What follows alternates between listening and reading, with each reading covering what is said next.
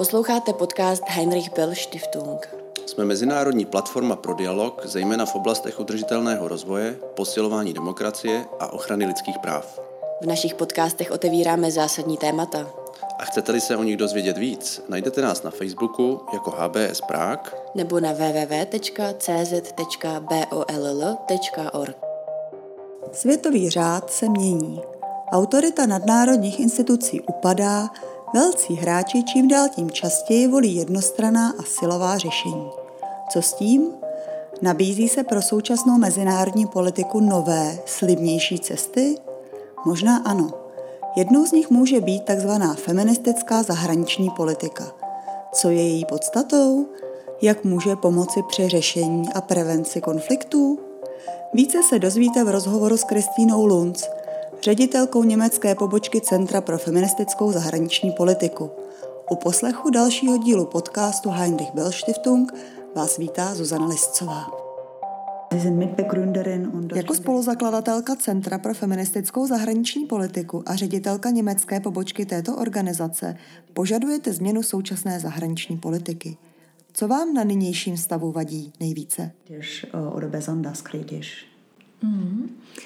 Um, Genau, das Center for Feminist Foreign Policies. Centrum pro feministickou zahraniční politiku se zasazuje o nový přístup v zahraniční a bezpečnostní politice. To, co feministky obecně kritizují, jsou základní předpoklady, na nichž současná zahraniční a bezpečnostní politika stojí zejména Hobbesovskou teorii, že normálním stavem v mezinárodních vztazích je válka a násilí, že každý stát usiluje jen o maximalizaci vlastních výhod, moci a vlivu a tím pádem jedná jen ve vlastním zájmu. Již déle než 100 let Vzpomeňme třeba Mezinárodní kongres žen v Hágu za první světové války. Feministky zdůrazňují, že lze věci vidět úplně jinak. Toxickou představu, že násilí je norma, nezdílejí ve společnosti všichni. Prosadili ji ti, kdo byli u moci a vystavili odpovídající instituce. V dnešní době nového vzestupu silných mužů se výsledek zrcadlí ve velké části zahraničně politického jednání. Dává se rovnítko mezi moc, dominanci, utlačování, ozbrojené násilí a vojenskou moc.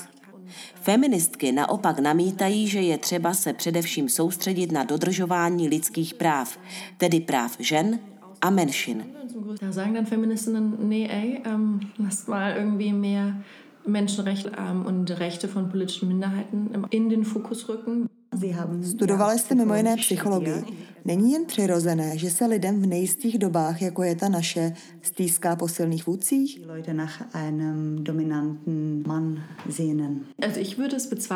Pochybuji o tom. Vidíme vlády a země, které podlehly šarmu dominantních mužů. Zároveň je tu ale velmi silné hnutí za lidská práva a feministické hnutí. Za poslední desítky let došlo v životě západní společnosti a jejich pravidlech k výrazným změnám. Bylo zavedeno manželství pro všechny, zpřísnil se postih sexuálních trestních činů a ujalo se právo na potrat, které je pro feministické hnutí centrální.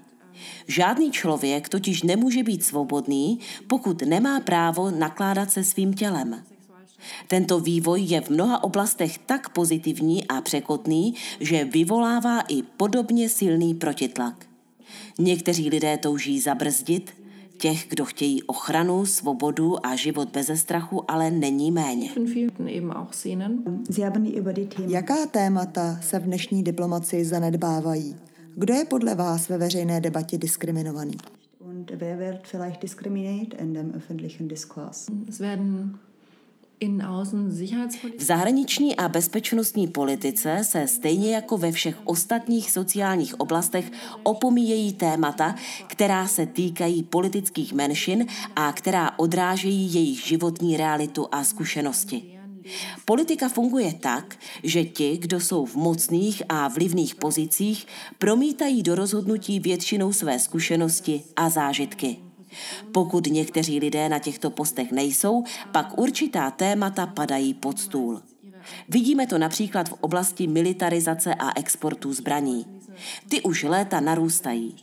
Prosazuje se tradiční, konvenční přístup, který jsem se v úvodu pokusila popsat. Převládá názor, že potřebujeme zbraně, jaderné zbraňové systémy pro naši bezpečnost. Zbraně ale vždy chrání jen ty, kdo jimi disponují. Zbytek společnosti jimi naopak silně trpí. Vůdčími silami v odzbrojení a demontáži vojensko-mocenského komplexu jsou dnes právě feminističtí aktéři a aktérky. Jsou jimi například mezinárodní kampaň za zrušení jaderných zbraní ICAN nebo Jody Williamsová a další, většinou ženy, které prosazují zákaz bojových robotů.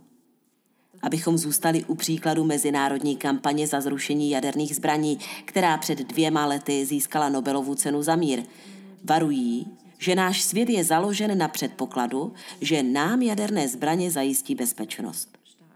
To je absolutní nesmysl, proti kterému hovoří všechna fakta.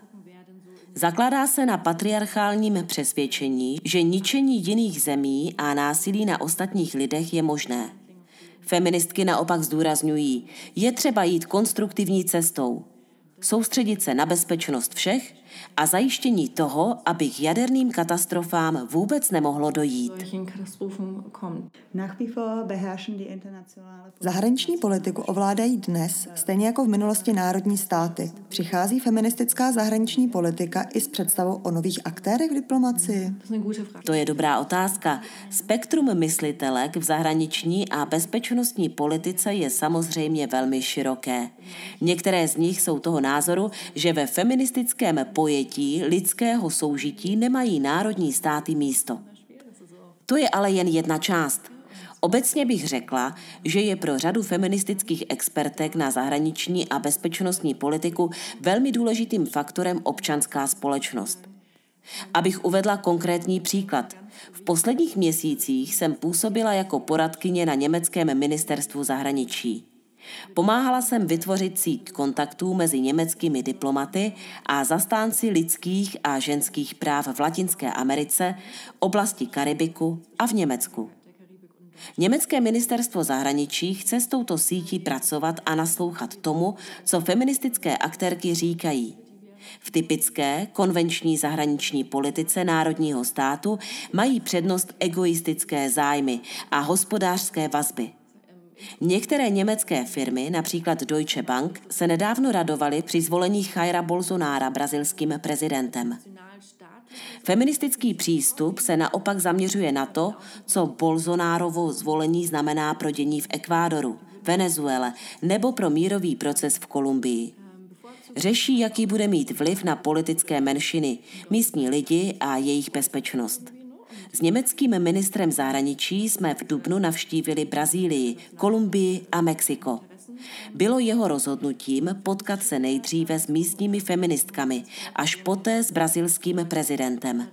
Německo tím samozřejmě ještě nedělá feministickou zahraniční politiku, ale byla to určitá ukázka feministického jednání v bilaterálních vztazích. Mhm. Převažují podle vás muži v praktické části zahraniční politiky i v teoretické debatě o ní?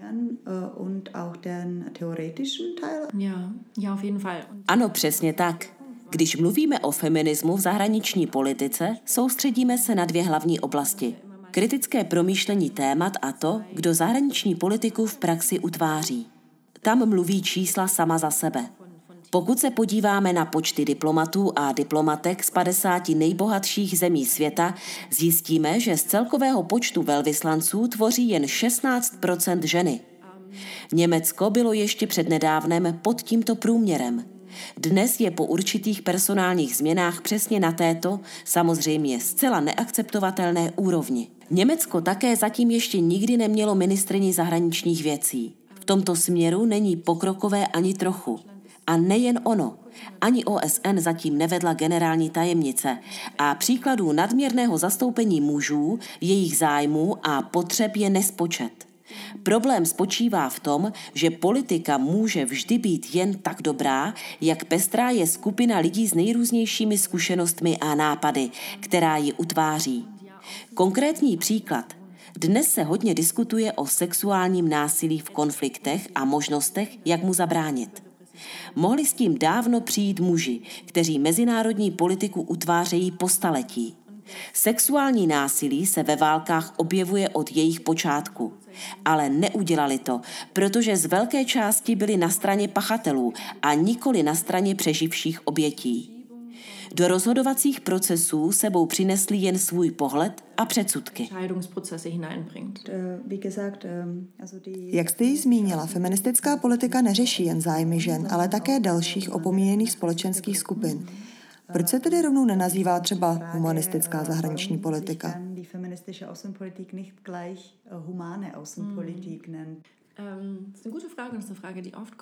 Tato otázka přichází velmi často a je oprávněná. Feministická zahraniční politika se skutečně zakládá na ochraně lidských práv a soustředí se na bezpečnost lidí. Na skutečnost nahlíží z různých úhlů pohledu a současně osvětluje různé formy diskriminace. Proč se nejmenuje humanistická zahraniční politika, zahraniční politika pro všechny nebo progresivní zahraniční politika? Odpověď je stejná jako na otázku, proč se nejúspěšnější sociální hnutí v dějinách nazývá feminismem a ne humanismem. Protože mírové hnutí, humanismus i osvícenství měli velmi silný patriarchální nádech. Ženy ve všech těchto emancipačních hnutích paradoxně neměly žádné slovo. Proto se feminismu říká feminismus a ne humanismus. Protože humanismus nedokázal integrovat hlasy a schopnosti žen. Sociální hnutí se nicméně vyvíjejí. Ve svém počátku byl feminismus na ženy mnohem více zaměřený než dnes. Pro mě je součástí feminismu ochrana práv všech politických menšin. Ženy jsou z nich jen tou největší skupinou. Zmiňovala jste, že Německo ještě nikdy nemělo ministrně zahraničí. Již 14 let je ale v čele vlády spolková kancléřka. Změnila Angela Merkelová vnímání role žen v německé společnosti? Rozhodně. Už jenom to, že máme na nejmocnější pozici ve státě ženu tolik let, má velký vliv na to, co si mladé dívky nebo další ženy myslí, že mohou sami dosáhnout. Pokračující a nepřetržitá nerovnost naší společnosti a nadměrné zastoupení mužů na významných pozicích má velmi mnoho příčin. Jednou z nich je socializace a způsob, jakým chlapci a dívky vyrůstají. Co vidí, když nahlédnou do médií, dějepisných knih, učebnic a galerií výhradně mužských portrétů? Máme studie, které ukazují, že už ve věku 8 let jsou děti přesvědčené, že chlapci mají přirozenou schopnost vynikat. Tato představa vzniká na základě toho, co se učí ve školách, jak jsou lidé zobrazováni v médiích a ve veřejném životě. A je i výsledkem šíření nenávisti na internetu a nenávisti vůči političkám a ženským aktivistkám. Vliv vzorů je obrovský, to platí i pro Angelu Merklovou. Obsah její politiky ale moc nový není. Je členkou a bývala dlouholetou předsedkyní konzervativní strany. Před dvěma lety prohlásila, že není feministka. Po dlouhém přesvědčování pak souhlasila, že je, tedy pokud to znamená, že podporuje rovnoprávnost pro všechny. Je feministická zahraniční politika inkluzivní? Mají se na ní podle vás podílet i muži? Určitě ano, dokonce musí. Žádné utlačovatelské struktury nelze zničit bez toho, aniž by spolupracovala celá společnost. Jsou země, které feministickou zahraniční politiku už provozují. Od roku 2014 Švédsko, které ji zavedlo v institucionalizované podobě. V roce 2017 se přidala Kanada pod vedením Justina Trudeau, která se přihlásila k tomu, že bude dělat feministickou rozvojovou pomoc. Kanada je nadále terčem kritiky kvůli svému zacházení s původním obyvatelstvem, kvůli exportu zbraní a dalším věcem. Trudeau se nicméně velmi rychle přihlásil k feminismu a jeho prosazení v rozvojové politice své země. Naše organizace spolupracuje se spoustou skvělých mužů, s reprezentanty švédské vlády na velvyslanectví v Německu, výbornými feministy v různých organizacích nebo na německém ministerstvu zahraničí. I když se německý ministr zahraničí Heiko Maas veřejně za feministu neprohlásil se zdůvodněním, že se nechce chlubit cizím peřím, považují jej za opravdu výborného ministra zahraničí, protože prioritizuje určitá témata. Soustředí se na lidská práva, odzbrojení a boj proti pravici a pravicovému rechts. Dovedu si ale představit, že někteří tradiční smýšlející muži a možná i ženy považují váš projekt za podezřelý. Chcete do zahraniční politiky přinést nová témata a nové aktéry, kterých se můžou obávat jako konkurence. Jak přesvědčujete lidi, kteří o vašem záměru pochybují? Hmm, ja, da gibt's ganz viele. Um, Takových je hodně. Lidé vždy spochybňují nové věci. Myslí si, že se svět nedá změnit. Pochybují tak dlouho, než se nová opatření zavedou a začnou fungovat. Feminismus má v mnoha souvislostech špatnou pověst. Pro mnohé je provokativní, když přijdeme s feministickou zahraniční politikou, protože našemu tématu nerozumějí. Nevědí, co za ním stojí, ale cítí se být přímo napadeni. Vidí to jako útok na svá privilegia, protože feminismus, nejen v zahraniční politice, ale obecně, požaduje lepší distribuci moci a zohledňování potřeb rozdílných skupin. Kvůli tomu máme hodně odpůrců a odpůrkyň. Je potřeba mnoho osvěty. Musíme dokázat, že bez feminismu nebude mír. Nedávné studie, například Brookings Institution z roku 2017, jednoznačně prokazují souvislost mezi rovným zacházením ve společnosti a nízkou úrovní násilí uvnitř států, například domácího násilí nebo násilí na ženách. A ukazuje se, čím rovnoprávnější společnosti jsou, tím mírumilovnější jsou i jejich státy navenek. Práce předních vědkyň typu Valerie Hudsonové ukazují, že to, jak stát zachází s politickými menšinami, ovlivňuje jeho sklon k násilí dovnitř i navenek. Z toho jasně vyplývá, že bez feminismu nezavládne na mezinárodním poli mír. Můžeme se přehrabovat v krabici s nástroji na řešení konfliktů, jak dlouho chceme, a zkoušet dokola stejné věci. Nebude to fungovat, pokud společnost nebude spravedlivější ve svém jádru. Ist, wenn wir Gesellschaften nicht im Kern gleichberechtigter gestalten. Und es zeigt sich auch. Ukazuje se také, že klíčová rozhodnutí a řešení, na nich se podílejí ženy, mají v praxi delší trvání. Platí to například pro mírové smlouvy. Můžete vysvětlit, proč tomu tak je? Erklären, wieso? Ja. Jistě, i k tomu existují velmi zajímavé studie, například od UN Women, které ukazují, že pokud se ženy podílejí na uzavření míru, bývá trvalejší. Je to logické, právě proto, o čem jsme již mluvili.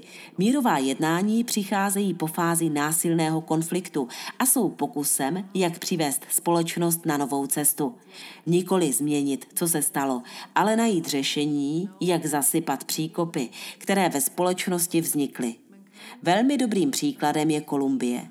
Mírový proces v Havaně byl jeden z dosud nejvíce inkluzivních. Důvodem úspěchu samozřejmě je, že různorodé stoly vyjednavačů dokáží zohlednit a pokrýt více zájmů. Více skupin může přednést svá přání a bezpečnostní aspekty a tím i stabilizovat společnost. Pokud postavíme mírové uspořádání jen na tom, co chce mocná, malá vládnoucí skupina lidí, tvořená většinou muži, pokud si vyslechneme jen to, co potřebují oni, aby mohli žít férově a zdravě a v bezpečí, pak to rozhodně nestačí. A velmi rychle to opět vede k nespravedlnostem, nerovnostem ve společnosti a hloubení nových propastí. Potřebujeme dosud podreprezentované hlasy, abychom neopakovali chyby minulosti. Irgendwie nicht nochmal denselben Fehler zu machen. Jakou má vaše iniciativa odezvu? Je spíše vstřícná nebo se prosazujete spíše pomalu? Dobrá otázka. Jsme zatím takové nově narozené dítě. V Německu působíme jen o něco málo déle než rok. V Londýně jsme dva a půl roku. Na to, že jsme tak čerství, to běží, myslím, celkem dobře. Narážíme na silný odpor, cítíme zpětný tlak proti právům žen a politických menšin ve Spojených státech a v mezinárodním prostoru, jaký jsme ještě nezažili. Zároveň je tu ale touha po nových myšlenkách a přístupech. Propojování na národní a mezinárodní úrovni proto funguje velmi dobře. Na našem tématu spolupracujeme se všemi důležitými aktéry v Německu. Jsme velmi dobře napojeni na ambasády, neziskové organizace, ministerstva. Na mezinárodní úrovni je to podobné. Přednedávnem jsem byla v době plenárního zasedání OSN v New Yorku a mohla naši věc zase posunout dál. Snažíme se v rámci svých možností spolupracovat na tématu odzbrojení a setkáváme se s příslušnými aktéry. Spolupráce je pro Centrum pro feministickou zahraniční politiku vzhledem k neoliberální kapitalistické společnosti, která si cení především konkurence základní hodnotou.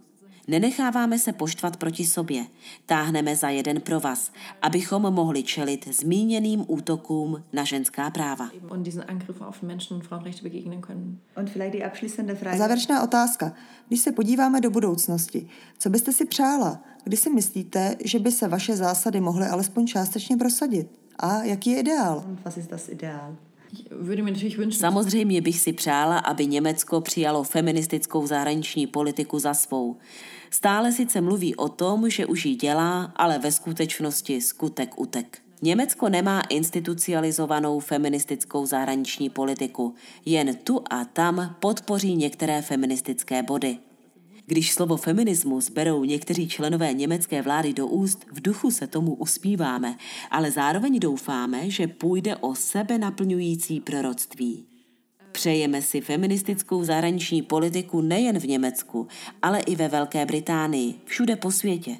Feminismus je nejlepší odpovědí proti autokratům, kteří si ve světové politice stále více vyskakují. Pokud se nám podaří vštípit feministické myšlení vládám a ministerstvům zahraničí na světě, máme šanci prosadit mír a větší respektování lidských práv v naší společnosti.